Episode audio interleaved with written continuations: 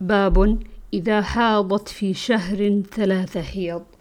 وما يصدق النساء في الحيض والحمل وفيما يمكن من الحيض لقول الله تعالى ولا يحل لهن أن يكتمن ما خلق الله في أرحامهن.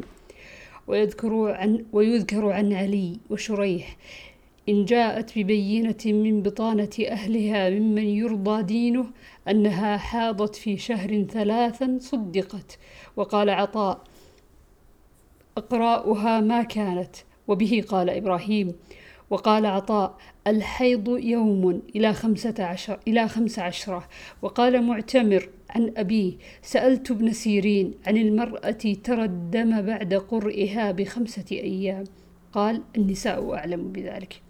عن عائشة رضي الله عنها أن فاطمة بنت أبي حبيش سألت النبي صلى الله عليه وسلم قالت إني أستحاض فلا أطهر أفأدع الصلاة؟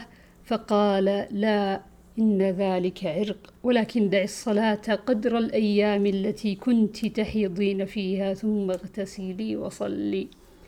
باب الصفرة والكدرة في غير أيام الحيض. عن أم عطية قالت كنا لا نعد الكدرة والصفرة شيئا. باب عرق الاستحاضة.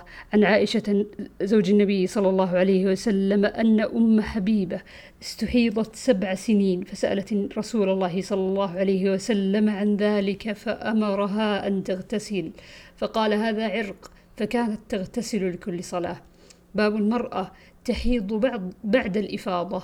عن عائشة زوج النبي صلى الله عليه وسلم أنها قالت لرسول الله صلى الله عليه وسلم يا رسول الله إن صفية بنت هيي قد حاضت. قال رسول الله صلى الله عليه وسلم لعلها تحبسنا ألم تكن طافت معكن؟ فقال فقالوا بلى. قال فاخرجي. عن ابن عباس قال رخص للحائض أن تنفر إذا حاضت.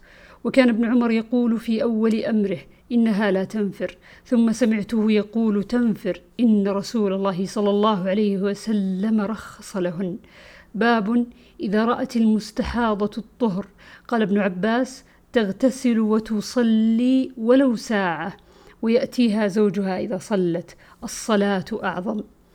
وعن عائشة رضي الله عنها قالت قال النبي صلى الله عليه وسلم إذا أقبلت الحيضة فدع الصلاة وإذا أدبرت فاغسلي عنك الدم وصلي.